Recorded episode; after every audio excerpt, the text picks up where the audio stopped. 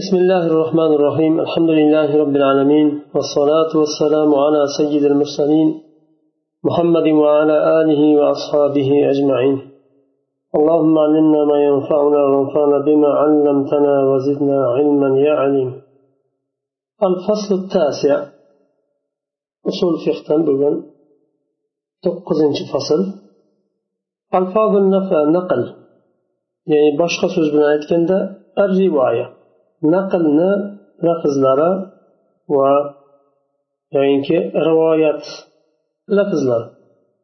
نقل الصحابة ألفاظ النبي صلى الله عليه وسلم وأفعاله بصور وألفاظ مختلفة تتفاوت من حيث قوتها بكثرة الاحتمالات وقلتها صحابة رسول الله صلى الله عليه وسلم lafzlarini so'zlarini va fe'llarini bir nechta lafzlar bilan va suratlarda bir nechta bir necha xil suratlarda nima turlarda degan mazmunda naql qilishdi bularni birisi birisidan farqli bo'ladi ehtimolotlarini ko'pligi yo ozligi bilan hali keladi bu lafzlar وقد صنفها الغزالي في المستصفى وابن قدامة في روضة الناظر وغيرهما.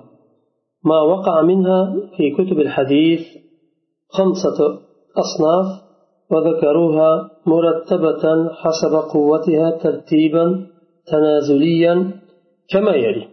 إمام غزالي مستصفى ديان كتابدا ابن قدامة روضة الناظر ديان كتابدا وأولادن باشقى إمامlar ham buni zikr qilishdi va hadis kitoblarida ham buni keltirilgan bir beshta sinfini ya'ni besh xilini keltirishdi nima zikr qilishdi va uni quvvatiga ko'ra tartib bilan zikr qilishdi buni birinchisi quvvat jihatidan ham bu eng quvvatli أن يقول الصحابي سمعت رسول الله صلى الله عليه وسلم يقول كذا أو رأيته يفعل كذا أو حدثني أو شافهني بكذا صحابة aytadi rasululloh sollallohu alayhi vasallam shunday dedilar deganlarini eshitdim deb rivoyat qiladi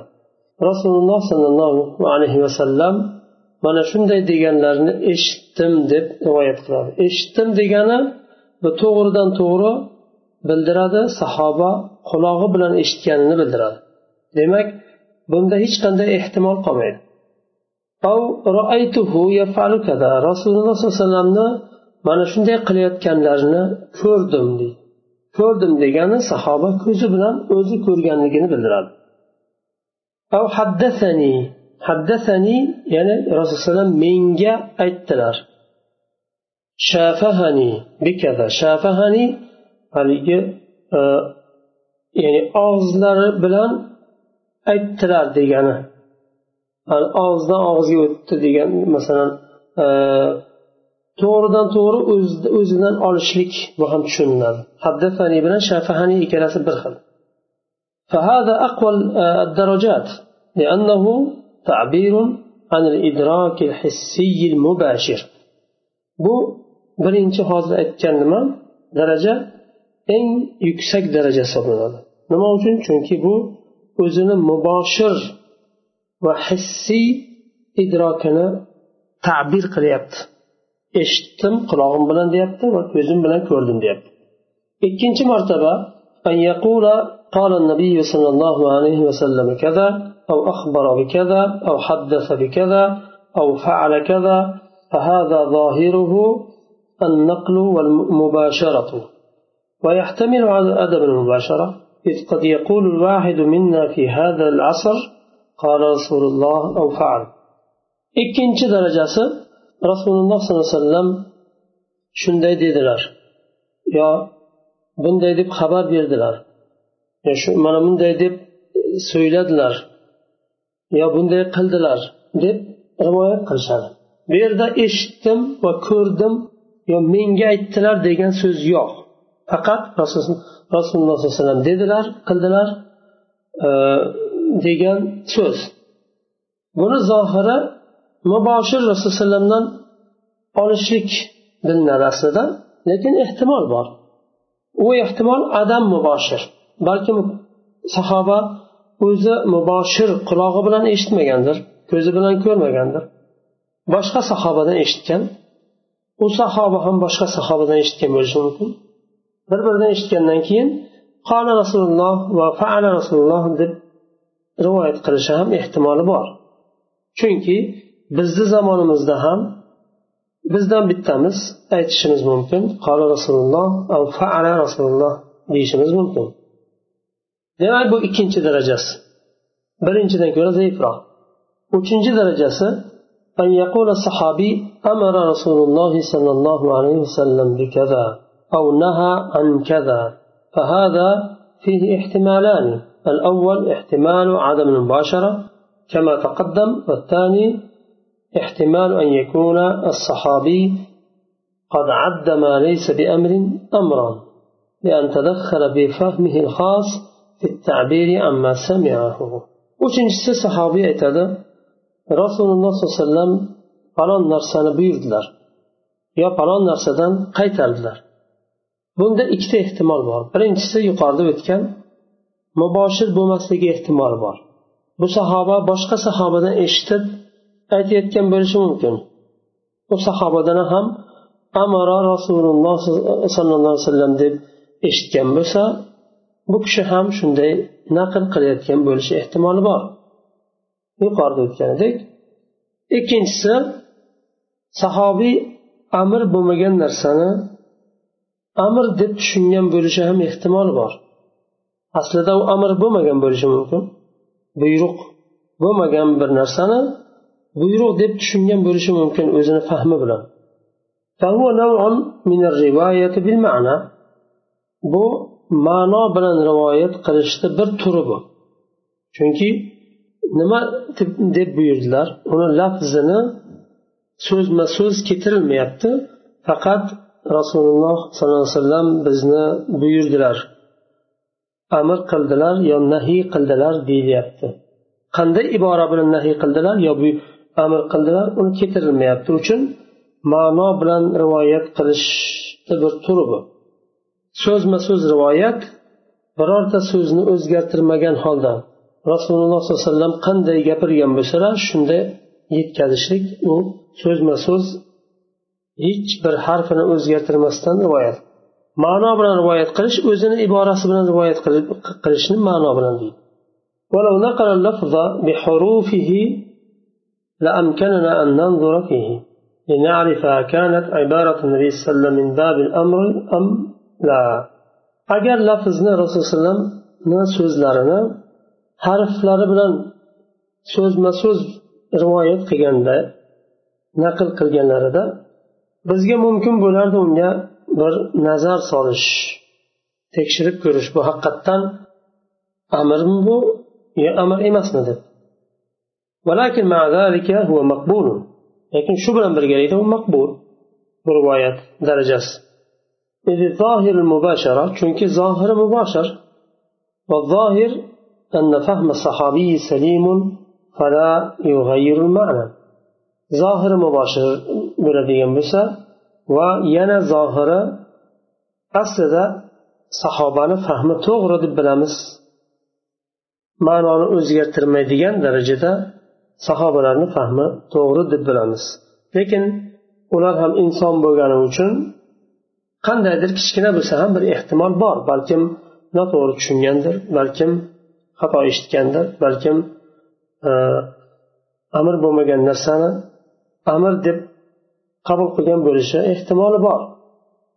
ومثله أن يقول نسخ النبي صلى الله عليه وسلم بكذا أو شرط كذا في كذا أو حث على كذا أو قضى بكذا إلى غير ذلك مما يعبر ما يعبر به عن قول نبوي.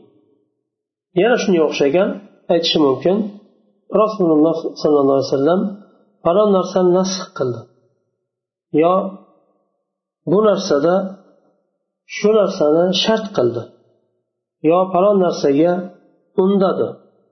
Yo falon hukm bilan hukm qildilar deb rivoyat qilishi mumkin.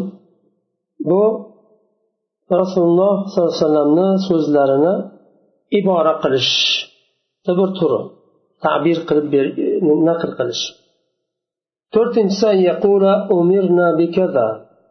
أو نهينا عن كذا فيتطرق إليه الاحتمالان المذكوران سابقا. واحتمال ثالث في من هو الآمر والناهي إذ يحتمل أنه يقصد بعض الأمراء أو الخليفة أبا بكر أو عمر أو غيرهما من الخلفاء أو أمر القرآن بحسب فهم الراوي. to'rtinchi darajasi roviy aytadi umirna bikaza biz falon narsaga narsada narsaga buyurildik. Av nuhina ankada. Biz falon narsadan qaytarildik. Bunda yuqorida o'tgan ikkita ehtimol bor.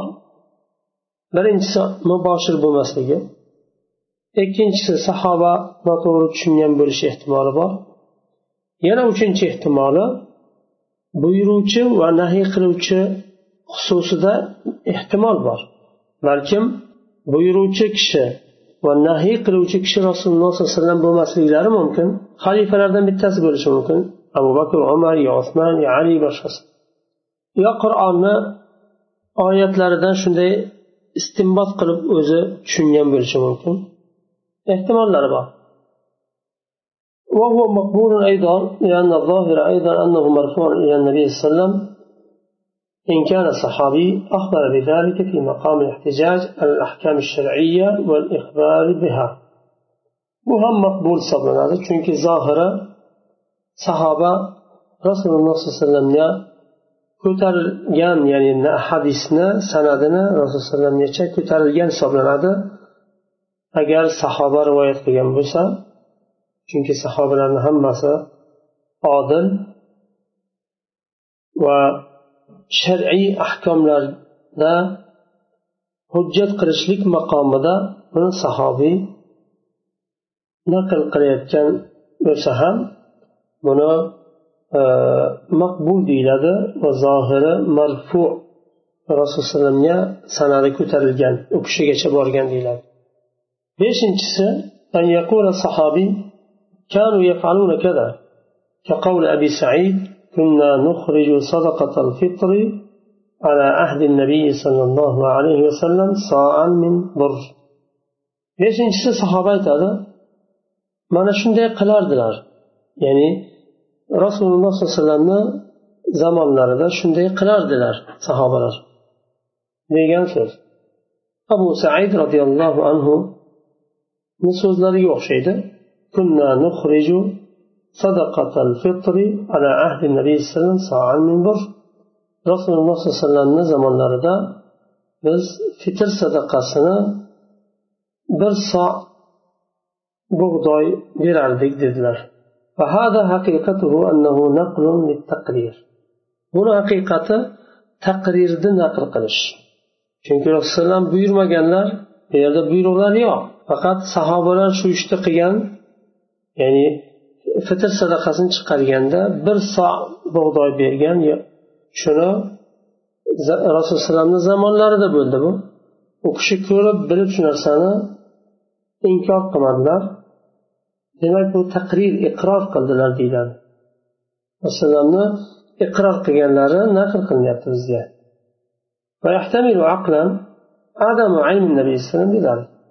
lekin bir ehtimol ham bor zaif ehtimol bo'lsa ham ehtimoli bor balkim rasululloh shuni bilmagan bo'lishlari mumkin ya'ni bir so bug'doy sadaqa fitr chiqarganlarni ko'rmagan bo'lishlari mumkin bilmagan bo'lishlari mumkin ehtimoli bor zaif bo'lsa ham oltinchisi والدرجة السادسة لم يذكر لم يذكرها ابن قدامة ابن قدامة رضي الله عنه ذكر قمجان yana bir darajasi bor oltinchi daraja bu yerda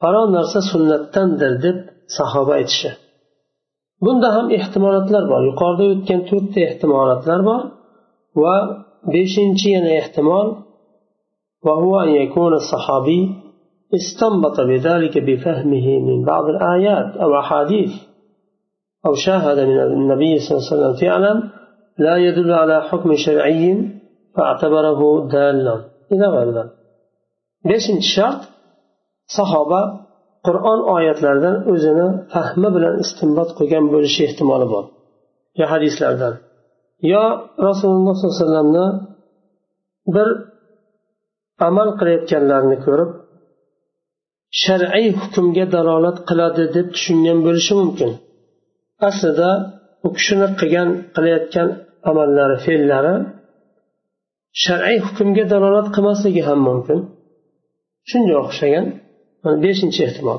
endi oltinchi ehtimol وهو أنه ربما أراد سنة أحد الخلفاء الراشدين oltinchi ehtimol ham bor sunnat degandan ajabo bu rasululloh sallallohu alayhi vasallamni sunnatlarini faqat nazarda tutyapti yo boshqa narsa ham bu yerda sunnat deyiladimi balkim xulafa roshidinlarni sunnatlarini qasd qilgandir u kishi meni sunnati deganda ali roziyallohu anhuni so'zlarini bu yerda misol keltirilyapti aroq ichuvchi nimasida xususida جلد النبي صلى الله عليه وسلم أربعين وجلد أبو بكر أربعين وجلد عمر ثمانين وكل سنة رسول الله صلى الله عليه وسلم qirq darra urdilar aroq ichuvchiga.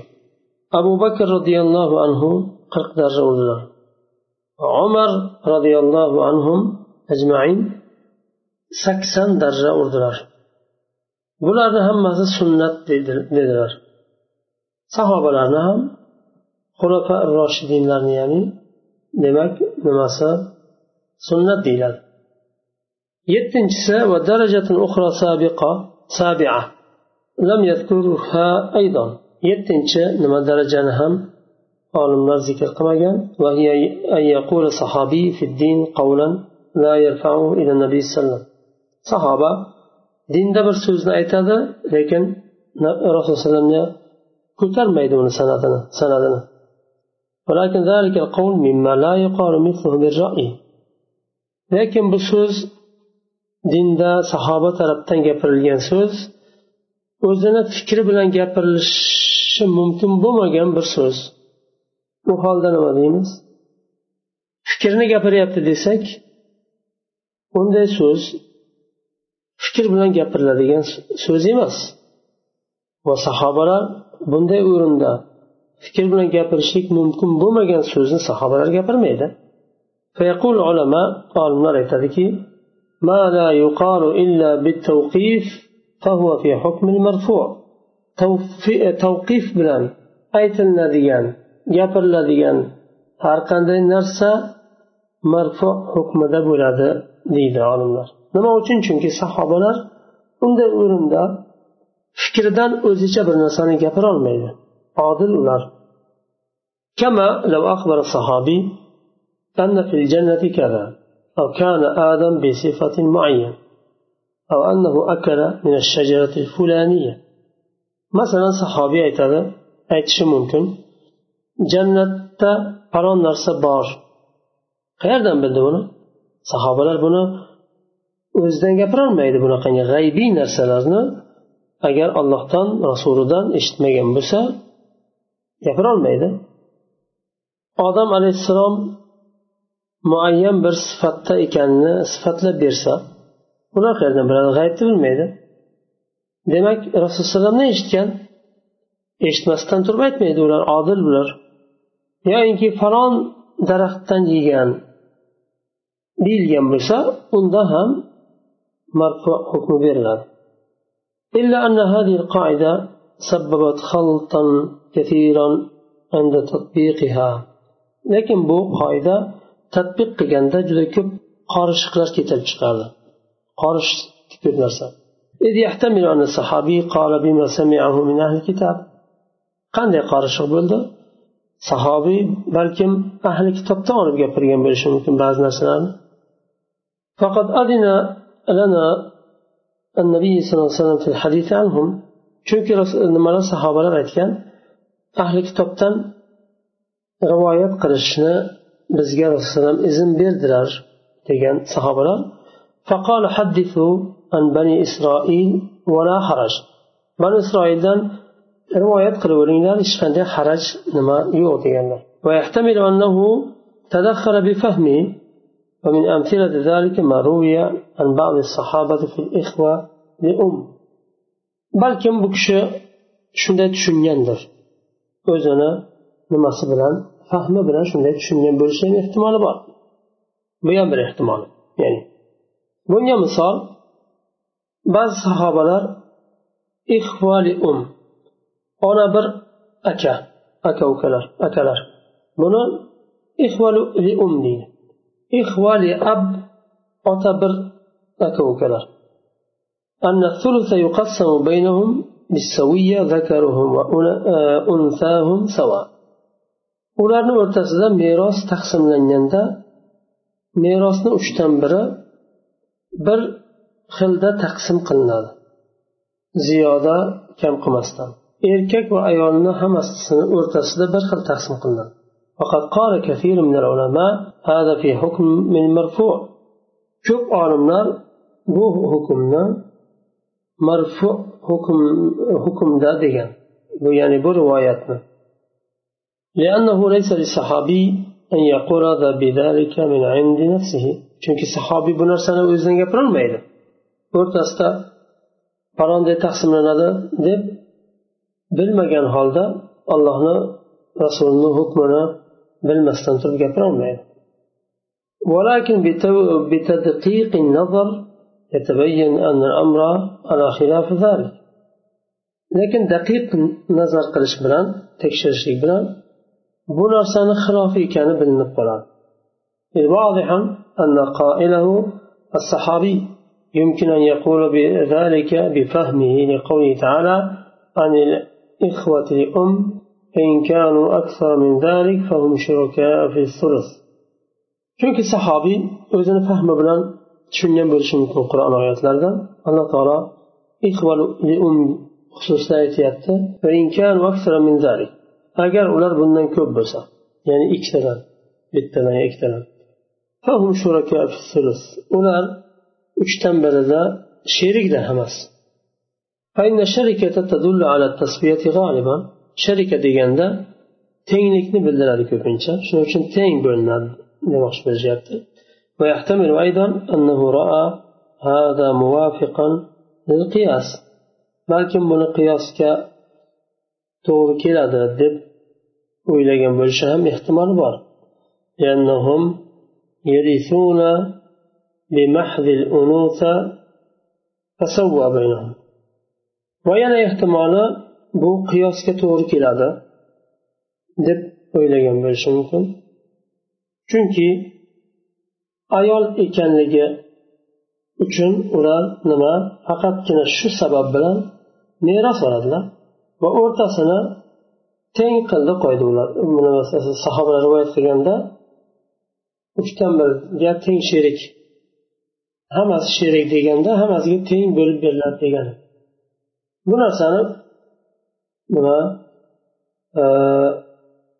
istinbotda xato qilgan bo'lishi mumkin shunday tushungan bo'lishi ehtimoli bor shu yerda to'xtaymiz keyingi darsdan o'ninchi fasldan inshaalloh davom etamiz سبحانك اللهم وبحمدك أشهد أن لا إله إلا أنت أستغفرك وأتوب إليك